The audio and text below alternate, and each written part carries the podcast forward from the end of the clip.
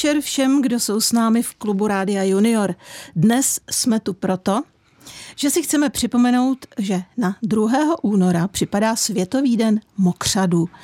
A mokřad je pravděpodobně od slova mokrý a slovo mokrý snad každému připomene vodu. A nikdo nepochybuje, že voda je pro všechno živé nesmírně důležitá. Mým hostem je pan Martin Šandera, biolog z Poděbradského muzea. Dobrý večer. Dobrý večer. Říkám to dobře eh, s tou vodou? V podstatě to tak je. Tam, kde je voda, tam je život a ty mokřady v podstatě, když to řekneme zjednodušeně, tak to je něco, kde ta voda je obsažená, je tam i souš, jsou to takové přechody, má to nějaké své typické rostliny, typické živočichy a o tom si dneska opět budeme povídat a proč to tak je a proč je dobrý mokřady chránit. No a jak vy jste spojen s mokřady?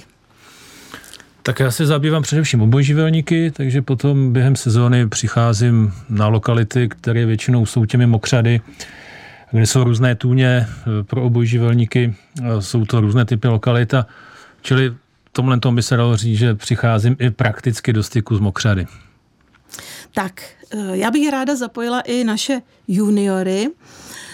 Já myslím, že byste se mohli do toho povídání s námi zapojit. Eh, můžete nám volat na 800 199 a nebo psát na radiojunior.cz. Máme tady dvě krásné ceny, jsou to pexesa s rostlinami a živočichy, kteří žijí v mokřadech. Je tam třeba báječná bombína, bombína Víte, jak se jmenuje tenhle živočich česky? Latinský název Bombína Bombína. Ale soutěžní otázku dneska vymyslel tady pan Šandera a on se ptá, kdy, na kdy připadá Národní den žab. A já jsem mu poprosila o nápovědu. Tak teď, abychom řekli správně tu nápovědu. Tak k tomu dni se vztahuje jedna známá pranostika a v té pranostice se něco praví o Čápovi a něco o žábě. Takže to je taková nápověda, takže teďka už můžete googlit nebo něco, že ho hledat. Eh, na nebo to teda víte třeba. Připadá, nebo to už někdo třeba ví, už se to slaví několikátým rokem na který den připadá Národní den žáb v České republice. Takže pište na Radio Junior rozhlas.cz, můžete nám i volat na 800 199 199. No a my dnes samozřejmě Připomínám, že můžete psát i dotazy pro mého hosta, biologa Martina Šanderu, které se netýkají jenom soutěžní otázky. No a my dnes začneme písničkou, kterou vybral David Janečka, produkce dnes Daniela Vodrážková a těší se na vás Veronika Hájková, zvířecí agentka Rádia Junior. Posloucháte klub Rádia Junior. Dnes si povídáme o mokřadech a mým hostem je pan Martin Šandera, biolog z Poděbradského muzea. No a už je tady první dotaz. Honza se ptá, a to chápu úplně ten dotaz. Honza se ptá, proč je Den mokřadu, Světový den mokřadu 2. února? Tak, to je dobrá otázka a na úvod si právě můžeme říct, že 2. února 1971 ve městě Ramzar v Iránu se podepsala umluva o mokřadech a v ní se praví, že by se teda celosvětově měly mokřady chránit a Česká republika je signatářem eh, této umluvy. To znamená, že se tady i vyhlašují chráněná území tam, kde jsou mokřady. Samozřejmě nedaří se to úplně všude, tam, kde nějaký mokřad, ale řekněme, že eh, velký procento eh, mokřadu u nás je nějakým způsobem chráněno, ale samozřejmě bylo by ideální, aby v podstatě u každé obci nějaký mokřad byl, protože ten mokřad sám o sobě má i nějaký takový další funkce. E, to, že zadržuje vodu, a to je důležitý zadržovat vodu v krajině, to se pořád tady skloně opakuje. Takže bez toho, aniž bychom někdo tu vodu zadržovali, taky mít v té krajině nebudeme. Takže 2. února, Mezinárodní den mokřadů, je to teďka letos pátek, že jo? takže můžete se podívat, třeba Česká společnost orientologická pořádá různě po republice vycházky na vodní ptáky, nebo Český svaz Franců přírody, možná pořádá někde u vás e, nějakou vycházku do mokřadu. Co se týče těch obojživelníků, kteří jsou hlavně mojí doménou, tak tam začneme až o něco později, až když se začnou probouzet někdy koncem února nebo v březnu, tak potom budou zase třeba nějaké akce, žabí kvákání se to většinou jmenuje, takže během dubna nebo května na různých místech, eh, nejenom třeba ve středních Čechách nebo v Praze, ale třeba na Vysočině působí někteří kolegové nebo jinde v republice, tak eh, budete moct třeba podniknout nějakou exkurzi spolu s odborníkem a podívat se na obojživelníky a přímo i do těch mokřadů jako takových.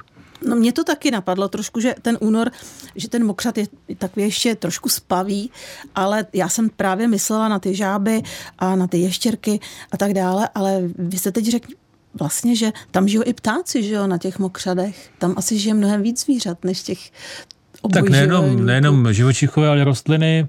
A jak jsme si říkali, tam, kde je voda, tam je život, čili ten vodní zdroj samozřejmě láká spousta různých skupin živočichů a takovou tou hodně nápadnou skupinou jsou ptáci a samozřejmě ty nás zaujmou i, i během ty zimy, že jo? Ty nemusí tady u nás eh, podnikat zimní spánek, jako třeba oboživelníci plazy.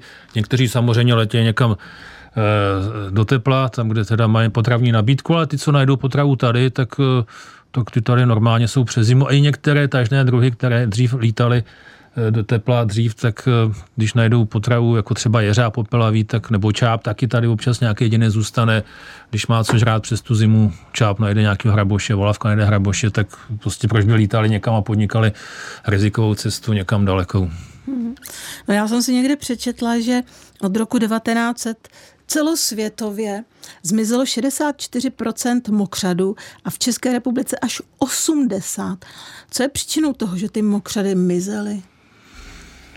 Taková v podstatě asi zažitá představa mánie lidí je, že mokřat nebo bažina, močál, že to je něco, kde jsou ty bludičky nebo co si a že vás tam nalákají utopy a že to je vlastně něco nebezpečného a že nejlépe takový mokřat vysušit, že jo, prostě ho nějakým způsobem zničit. No.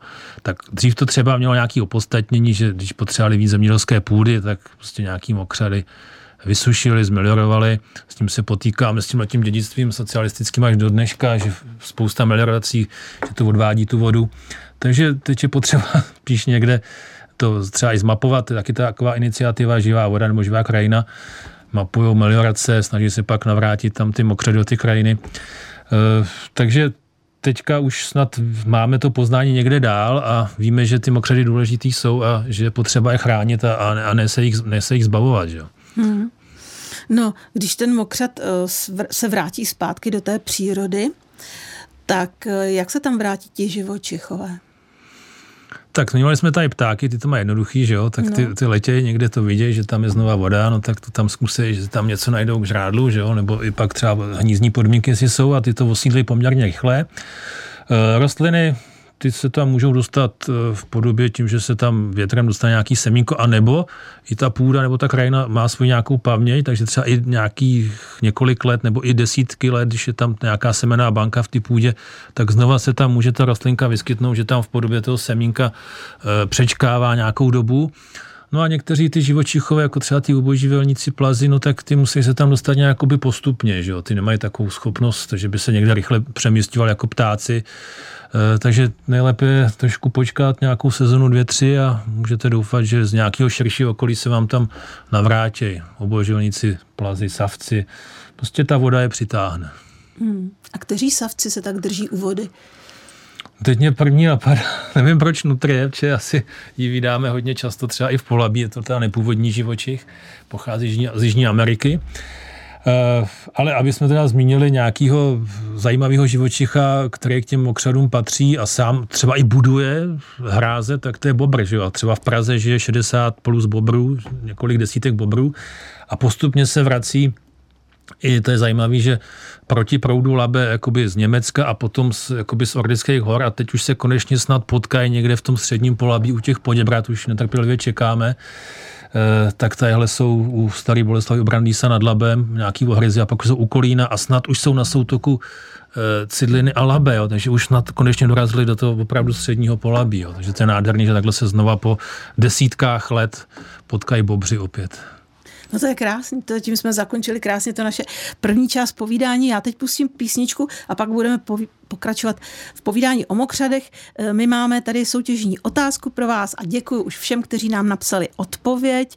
Kdy je Národní den žab, na který den připadá Národní den žab, pište na radiojunior.cz nebo volejte i své dotazy pro Martina Šanderu na 800 199 199. Posloucháte Klub Rádia Junior. Dnes si povídáme mm, o Světovém dni mokřadů a mým hostem je pan Martin Šandera, biolog a já si myslím, eh, že on vymyslel otázku, která je taková trošičku, eh, trošičku zapeklitá. Ptáme se, kdy se slaví Národní den žab. To je takový jako náš den žab. Já vám řeknu, jaká třeba žába byla žab, žábou nejohroženější českou žábou. Je to ropucha krátkonohá. Jo, a mm, my jsme dokonce říkali minule o tom, že každý rok je nějaký obojživelník jako obojživelník roku, že jo? Ano. A to ona byla loni, ta krátko, eh, ropuška krátkonohá byla obojživelníkem roku, nebo to byl ten skokan? Tak loni byl obojživelník roku skokan hnědý. Mm-hmm. Ropucha krátkonohá je pořád nejohroženější česká žába a snad už konečně letos se dočká nějaký finální podoby takového textu, takového návodu programu záchraného, jak by se mělo postupovat, co by se pro ně všechno mělo dělat, aby se zastavilo to její ubývání.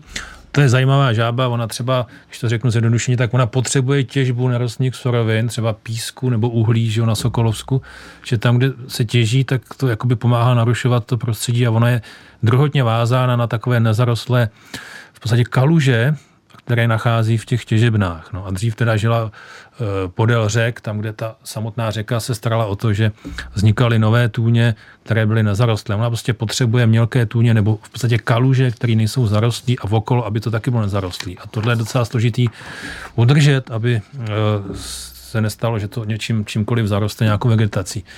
Takže to je tahle žába. No a letos obojživelníkem roku je člověk horský a rovnou můžeme říct, že v té dvojici ještě i plas roku a to je změ obecná. A ještě teda doplním znova, nebo zopakuju, že eh, aby eh, teda soutěžící si dali pozor, že se nám jedná o národní den žab, jo? Protože existuje ještě světový den žab. Mezinárodní den žab, no. Mezinárodní den žab. To jsou dva různé termíny a jsou to dva různé dny. A znovu zopakuju nápovědu k národnímu dní žab, že ten den je ještě taková pranostika česká a v té se praví něco o Čápovi a o Žábě. Hmm. Takže hledejte, hledejte a pozor na to.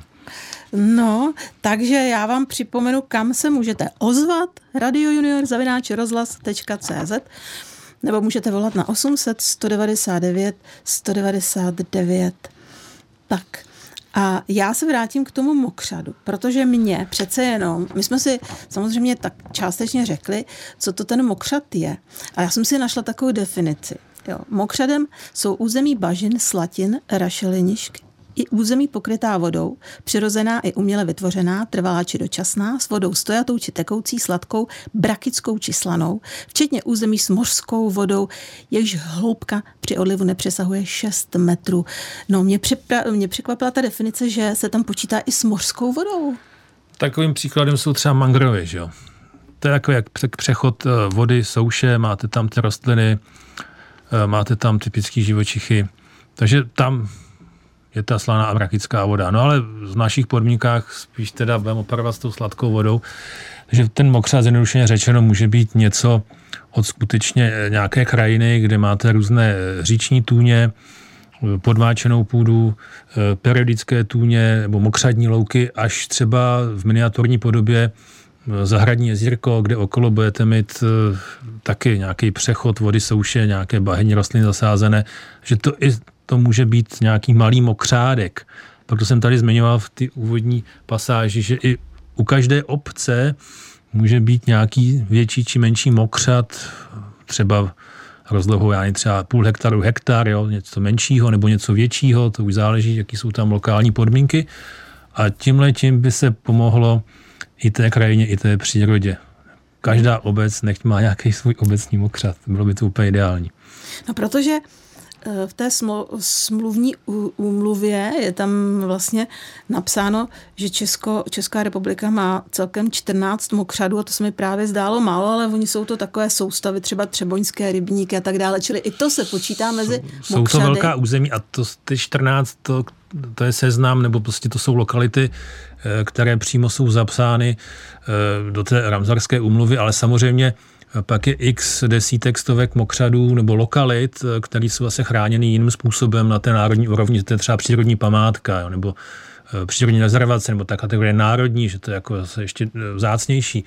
Čili těch mokřadů je samozřejmě víc a bylo by důležité, aby bylo nejenom těch 14 takových těch jakoby vlajkových lodí, ale aby to bylo pokud možno po celém území republiky, jak jsem říkal, u každé obce. Ano, čili tohle jsou takové ty velké mokřady, o které se vlastně by měl starat stát, ale zároveň bychom všichni měli mít své malé mokřadíčky nebo obecní mokřadíčky a o ty už se musíme starat my, jako vlastně občani, nebo bychom měli, měli je aspoň teda ochraňovat, když no, už ať už ta lokalita zakládat. je vyhlášena jako no. jako chráněné území, třeba ta přírodní rezervace, nebo ať už je to jenom významný chráněný prvek někde u nějaké obce, nebo ať už to nemá žádnou ochranu, Uh, respektive ono to v tom zákoně jakoby má, že to je významný chráněný prvek ze zákona, ale na to každý kašle, když to řekneme na rovinu. Uh, ale v podstatě každý cítí, že to je součást uh, té krajiny, té přírody, až bychom to neměli ničit, tak vždycky je potřeba, aby se o to někdo staral. Ať už ty peníze budou z rozpočtu státního, krajského, obecního, to už je úplně jedno, anebo to bude mít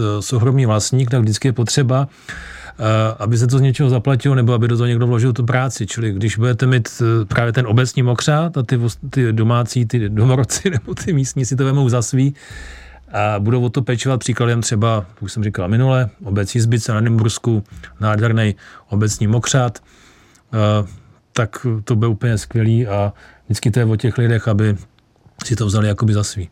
Hmm. A je to možné i, že by se tak nějak neodborně ten mokřat nový vytvořil, že by, že by, nebo si musí občani, pokud by měli zájem, si vrátit do své blízkosti. Odborně, odborně, neodborně. No tak samozřejmě no. můžete si na zahradě v podstatě dělat v vozovkách, by co chcete, že udělat si to jezírkou, udělat si to nějakým způsobem, jak se vám líbí ale pokud už eh, to bude nějaký ten obecní mokřat, eh, nebo bude to zase z nějakých peněz nějakého eh, třeba programu dotačního, který dává stát, no tak, nebo krajský úřad, no tak tam už musíte mít nějaký projekt a už to nejde nějak jako by ledabile. Samozřejmě ideální je, když nějaký inženýr přes, přes vodu, jak se říká, nějaký vodní inženýr dokáže vám vyprojektovat, kde jaká tuň bude, protože do toho projektu je dobrý vyčíslit jednotlivý náklady, spočítat a pak, když to zase nějaká firma, která se zabývá eh, hloubením tůní, už nějaká, která má zkušenosti, když vám to eh, vyhloubí, no tak tohle je asi takový ideální případ. No ale pak je taky důležitý, když už se to vybuduje nebo obnoví, tak to nějakým způsobem udržovat. No a to už se schání peníze hůř, že proto jsem tady zmiňoval, že je důležitý, aby to ty místní vzali za svý, aby to potom z rozpočtu třeba kraje, obce, to už je jedno, ale aby se to dál udržovalo nezarostlý, protože když něco necháte ladem, ať už to bude chráněný, nechráněný, eh, tak vám ten mokřat nebo i louka, cokoliv, tak vám postupně zaroste. Čili je potřeba nějakým způsobem to pečovat. Když jsme tady zmínili louku, no tak samozřejmě buď kosením nebo pastvou, mokřát, no tak můžete tam taky, že jo, pás třeba nějaký dobytek, eh, třeba ten skotský náhorní skot, nebo tadyhle v Milovicích, že jo, tam mají ohrady eh, ze zubry, pratory s koňmi, no tak eh, i ty kopytníci vám v tom můžou pomoct, nebo tam, kde ne, není možný udělat tím, že to je menší rozlohy, eh, ohrady pro ty kopytníky, no tak to musíte nějak uměle znovu obnovovat nějakým bagrem nebo krumpáčem, lopatou, to už je jedno, jaký je to rozsahu, ale musíte to nějakým způsobem udržovat. Není možné to nechat bez povšimnutí, jinak vám to za 50 let zaroste a zase tam okřat nebude. Zkuste se zeptat, svých rodičů, prá, no spíš možná prarodičů, jestli pamatují, že třeba eh, nějaký mokřat z vašeho, eh, z vašeho území, z vašeho okolí zmizel a jak to tam tehdy vypadalo a jak, jak o něj pečovali. My už si tady dáme písničku, ale po ní budeme dál pokračovat v našem povídání s panem Martinem Šanderou, biologem z Poděbradského muzea. Oh yeah! Jen co v neděli dopoledne hodiny odbít 11. Na rádiu Junior se zvedne hladina slov do výše tsunami. Dosud klidné vody rozhlasového vysílání rozbouří aktuální téma, které je třeba probrat. Za kormidlem Total Talk Show Denisa Kimlová. Po jejím boku jako kapitáni nejzkušenější děčtí moderátoři. A vás všechny zveme na palubu. Vítám je každý, kdo má co říct. Každou druhou neděli před obědem na rádiu Junior. Posloucháte Klub Rádia Junior, zvířecí, sobotní. Dnes s biologem Martinem Šanderou povídáme o mokřadech a životě v nich. Ale je tady samozřejmě dotaz, protože máme soutěžní otázku. Ještě se můžete zapojit do soutěže, kdy se slaví Národní den žab. Tak samozřejmě eh, k žábám se tady mm, takhle schylují i některé dotazy. Například od Honzy, který se ptá, Pozdravuje vás, Martine, a ptá se, co si myslíte o pralesničkách. Můžou se chovat u nás a nejsou tak jedovaté jako v pralese?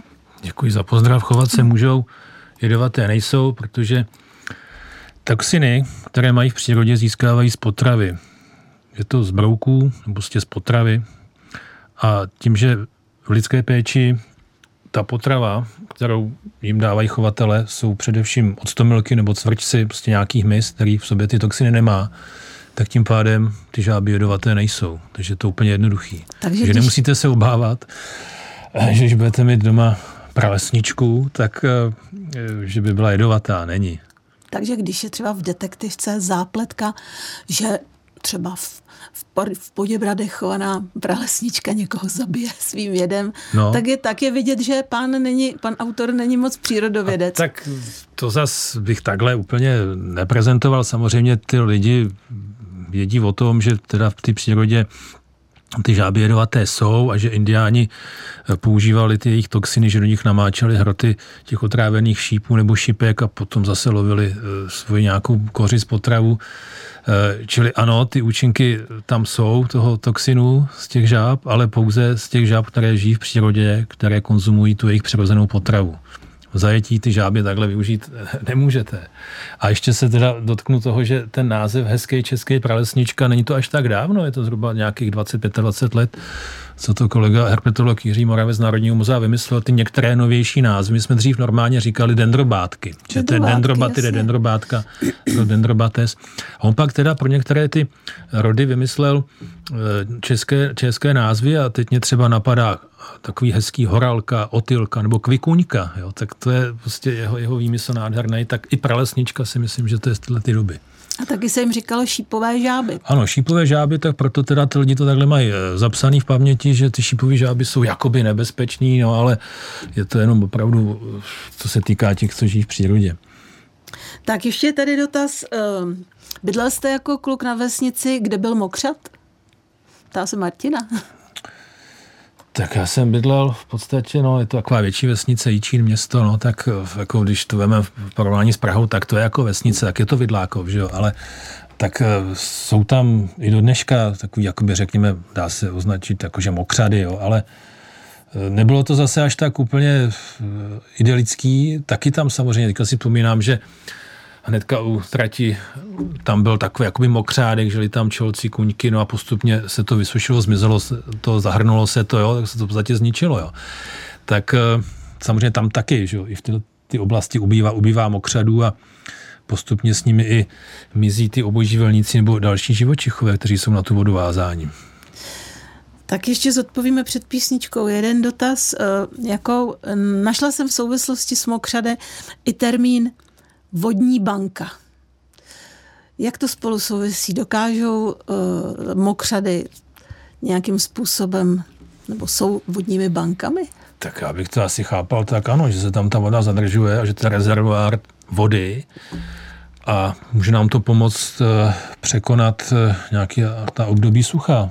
Takže ano, mokřady zadržují vodu, to je to jedna z jejich funkcí, no a pak teda bychom to mohli označit jako vodní baňka. No. Protože ta, samozřejmě ta půda Eh, sama od sobě váže tu vodu a když tam máte jak nějakou tu tůň, tak nějakou tu podmáčenou půdu, tak tím pádem to zadrží daleko, daleko víc vody, než tady třeba slavná vltavská kaskáda. Že?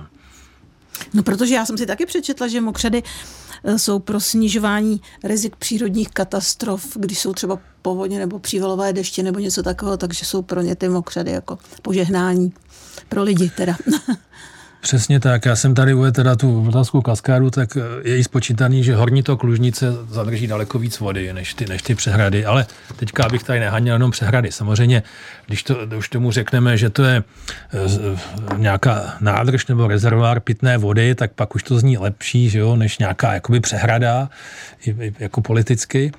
A, tak samozřejmě asi je dobrý mít všelijaký nádrže třeba i na pitnou vodu, ale to hlavní, kdyby měli směřovat ty snahy a nějaká ta opatření je, tak opravdu zadržovat vodu v krajině tím, že budeme budovat eh, nebo obnovat mokřady a zároveň i nějaká protierozní opatření, to se může týkat, eh, to bychom zabíhali do podrobností, ale co se týče i Orbina Poli, jo, tak do dneška pořád někdo oře po spádnici, ne po vrstevnici, ale jsou takový případy, kdy nesmyslně prostě vořou špatně z kopce. Jo. Eh, nebo i v rámci ty zemědělské krajiny je spousta spousta opatření, jak zabránit tomu, aby se tam eh, díky vodě splavovala i ta půda. Jo. A pak teda se někdy divějí, že jim vesnici zaplaví po nějakém přiholovém dešti nějaký bláto z pole. No, tak to je ono, že tam nedrží nějaký ty základní principy, jak se starat i o tu půdu. A ono všechno souvisí v přírodě ze vším. Všechno souvisí se vším. Tak máme před sebou ještě poslední část povídání o mokřadech s Martinem Šanderou, biologem, takže se těšte a teď dáme písničku. Posloucháte Klub Rádia Junior, tak a je na řadě, abychom vám prozradili, kdo dostane tohleto senzační pexeso s rostlinami a živočichy z mokřadů. Eh, takže já si myslím, že první správnou odpověď eh, poslal Honza Moravec a napsal. Myslím, že den žab je 12. března. Souhlasíte, pane Šandero? Přesně tak, 12. března, svátek svatého Řehoře a na svatého Řehoře čáp letí přes moře, líný sedlá, který neoře a žába hubu otevře. No tam ještě ledy plují do moře, prostě těch variant je několik. Jo, ale důležitý je, že to je 12. března, svatého Řehoře. A v tu dobu už se i u nás začínají první žáby probouzet a dokonce skokanštílí se začíná roznožovat. Čili jsme před několika lety usoudili, že tohle to bude ten nejlepší den pro Národní den žáb. Pozor, neplíst s Mezinárodním dnem žáb, který je až 20. března. Tak a pozor, ještě je tady uh, Denisa, která se opravila. Původně právě napsala 20 a píše, mám ráda obejživelníky, chodím na Den země, kde je ukazují centru Iris a se žábami jsem se setkala v biokoupališti, posílám snímky, žabky, mloky, jsou nejlepší. Denisa, takže Denisko, ty dostaneš eh, taky tohle pexeso, ale prosím vás, Honzo i Deniso, posle, pošlete adresu. A třetí, Třetí píše Regina, jak zazněla nápověda na svatého Řehoře, tak ten den žab je 12. třetí. Přesně Takže tak. máme tři výherce, blahopřejeme, prosím, abyste všichni poslali adresu, kam se mohou eh, vám Pexesa doručit, tak a my máme před sebou ještě chvilku, abychom si řekli eh, důležitá, důležité věci, protože já jsem řekla, že Martin Šandera je biolog Poděbradského muzea a to muzeum je samozřejmě hodně o vodě, protože je to eh, muzeum vlastně lázeňské, takže tam je i voda, která léčí a tak dále a tak dále, ale určitě můžeme poprosit Martina, aby nám udělal nějakou pozvánku teď na jaro, co všechno se bude v muzeu, Polapské muzeu dít. Tak Polapské muzeum, regionální muzeum je zaměřeno všeobecně, ale eh, letos tedy jsme slíbili, že eh, během května a června tam bude výstava o bojživelnících, takže to souvisí s těmi mokřady, takže to je jedna možnost, jak v květnu a v červnu navštívit Polapské muzeum v Poděbradech. A 11. května, je to tuším sobota, nemáme ještě přesně teda stanovenou hodinu, ale blízko Poděbrat jako centru Huslík. Eh, každoročně děláme žabí kvákání, takže exkurze do Mokřadu, Huslík, tak eh, bude takhle v květnu, několikátý ročník. A ještě potom v Polabí každoročně koncem dubna, buď v Izbicích nebo u Lise nad Labem, myslím, že zopakujeme obě místa, tak eh, bude žabí kvákání někdy ke konci dubna, tam zase je Mezinárodní den ochrany žáb, jo. ono těch dnů je víc, jo. tak eh, prostě v Dubnu už opravdu to je v plném proudu, to roznožování různých druhů obožívaníky u nás, tak, eh, tak obec Jizbice anebo pak Ulise nad Labem bude eh, někde na internetu nebo na Facebooku Herpeta pozvánka. No a teďka ještě třeba v i v Praze, v Tolcově dvoře si myslím, že letos taky, taky bude nějaká akce během jara, že to, že to domluvíme. A ještě k tomu Národnímu dní žáb 12. března, pokud se to podaří domluvit, tak v jedné televizi ve snídaní s novou, tak eh, tam možná už začneme slavit a ještě dva dny předtím, 10. března, je takové zahájení v Českém ráji. V Muzeu přírody Český ráj se každoročně na začátku sezóny koná takzvaný žabí běh kde teda si říkáme o těch obojživelnících, ale je to takové spojení pohybu v přírodě eh, s tou osvětou o těch obojživelnících a je to akce vhodná pro každého i pro děti. Trošku pohybu, trošku běhu, můžete si brát dva kilometry nebo sedm a tam to spočívá v tom, že si dopředu odhadnete, za kolik si myslíte, že urazíte tu vzdálenost a bez hodinek se musíte co nejpřesněji trefit a vyhrává ten, který má nejmenší rozdíl mezi tím odhadem a mezi tím dosaženým časem. Běh bez hodinek pro každého ideální, i pro děti. A má to nějakou souvislost eh, s třeba to, ta vzdálenost nebo ta délka toho běhu s, úze, s územím, které musí třeba překonat žába? Tu vzdálenost za, roz, za ani, tak, ani ne? tak ne, ale tak pro ty děti, aby to byly schopné třeba ujít, že jo, ty dva kilometry, to si myslím, že už ujdou, nebo můžou být neseny nebo i vozeny v kočárku, to je tam taky taková možnost, úplně pro ty nejmenší. Ale zase, aby ty běžci uběhli nějakou vzdálenost, aby to třeba mělo smysl i pro Pražáky dojet až tam do Českého ráje, tak zase, aby běhali jenom dva kilometry, by to bylo málo, tak proto tam je třeba těch sedm. No ale v čem to ještě spočívá ta podobnost, že ta žába nebo ten obojživelník cestou na místo, kde se bude roznožovat, tak z toho zimoviště musí často překonat různé nástrahy. Ať už to je silnice, ať už je to nějaká terénní nerovnost, tak i ten běh eh, vede cestou necestou různým terénem. Jo. Tak je to zajímavé, je to značená trasa, čo nezabloudíte, ale jak říkám, to kouzlo spočívá v tom, že musíte umět eh, odhadnout eh, čas, eh, jak se pohybujete v přírodě, abyste ve správný okamžik byli na tom místě cílovém, jako ta žába, když se má roznožit, aby tam našla ty svý partnery. No a my jsme teď taky v cíli. Já vám přeju, abyste si běh uh, užili. I když to třeba neuhodnete, tak aspoň vidíte, kudy se musí žáby uh, vydávat a uh, na jaře. A vám moc děkuji za návštěvu tady v klubu Rádia Junior a přeju si, aby se to s těmi obojživelníky u nás dařilo všechno. Tak děkuji za pozornost a v únoru a březnu už to bude líp, protože se prodlužová den a pak můžete koukat na obojživelníky třeba a na přírodu. Chtěli byste vědět, kolikrát za rok mrkneme? Jaká barva očí je nejvzácnější? A proč klokani neumí chodit pozadu? Tak si poslechněte pořad Zvídavec Evy Sinkovičové a každý všední den se dozvíte jednu zajímavost. Uslyšíte, co jste neslyšeli, dozvíte se, co jste nevěděli. To vše a mnohem víc v 7.30 a v 18.10 na rádiu Junior. V Hajajově pohádce se dneska hledá to nejlepší jméno pro sestřičku. Julince se má brzy narodit sestřička a rodiče pro ní pořád ještě nevybrali jméno. No a um, co budou vybírat dnes? Sedmidílný seriál Jak se bude jmenovat pro rozhlas napsala Helena Koblíšková. V režii Víta Maloty čte Magdalena Borová. Dneska se bude zkoumat jméno Vítězslava. Tak uvidíme, jestli zvítězí. A vám taky přeju, když už ne pořádné vítězství, tak alespoň drobné radosti a veselosti. Ať se vám všechno daří. Hezký večer za všechny z Rádia Junior přeje Veronika Hájková.